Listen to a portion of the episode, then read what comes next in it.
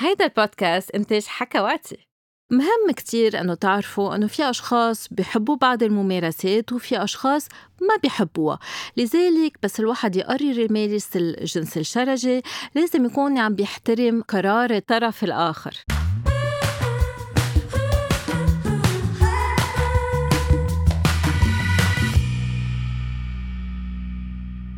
يعني إذا أنت أم أنت مش حابب تمارس الجنس الشرجي عبر عن عدم محبتك للممارسة قول لا ولا يعني لا.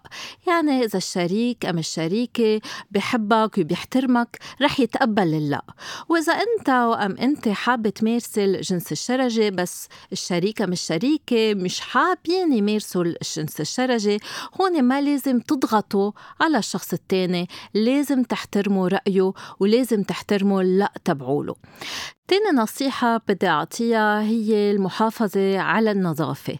يعني فتحة الشرج منطقة حساسة وفيها تتعرض للالتهابات أم حتى للتشققات. لذلك المحافظة على نظافة هالمنطقة كتير كتير مهمة. لازم الواحد يستعمل الصابون إنما مش بكترة كرمال ما يسبب جفاف بالمنطقة إنما بنعومة مع مي سخنة.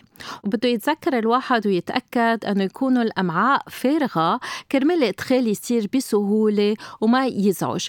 وأحسن الواحد ما يعمل حقنة تيفرغ فتحة الشرج والمستقيم أحسن يكون عم يغسل بنعومة. ثالث نصيحة بدنا نعطيها هو إنه الواحد ياخد وقته بالمداعبات. واحد ما بده ينسى إنه فتحة الشرج ما بترطب.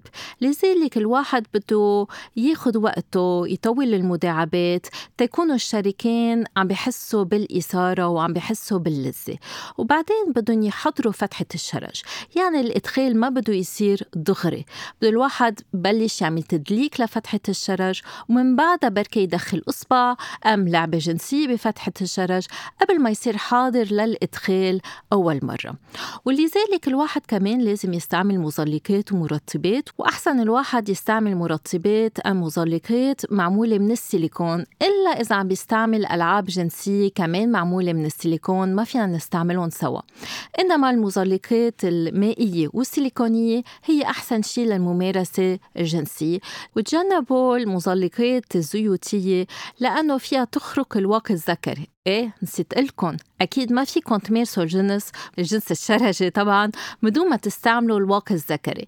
لأنه مثل ما قلنا فتحة الشرج حساسة في يصير فيها تمزقات صغيرة أم تشققات. الواحد فيهم نقول أمراض منتقلة جنسيا أثناء الممارسة في ينجرح. أحسن وأسهل للشريكين يكونوا عم بيستعملوا واقي ذكري أثناء العلاقة. بعد ما يخلصوا من الإدخال الشرجي الواحد ما في ينتقل إلى الإدخال المهبلة بده دايما أم يغير الواقي الذكري أم يرجع يغسل العضو الذكري أم كمان يغسل أصابيعه إذا كان عم بيدخل أصابيعه بفتحة الشرج ما فينا أبدا أبدا ننتقل من الشرج للمهبل لأنه منصير ننقل بكتيريا فيها تسبب التهابات بالمهبل والتهابات بولية. نصيحة كمان كتير كتير مهمة هي الاسترخاء.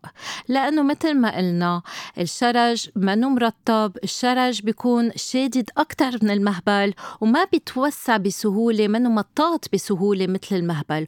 وعادة وظيفته من الداخل للخارج أكتر من الخارج للداخل. لذلك الشريكين لازم يكونوا مسترخيين مزبوط كرمال الإدخال يكون سهل. وكل الحركات لازم تكون ناعمة وتدريجية تدريجية ومن دون قوة ومن دون عنف. وبرجع وبرجع بعيد.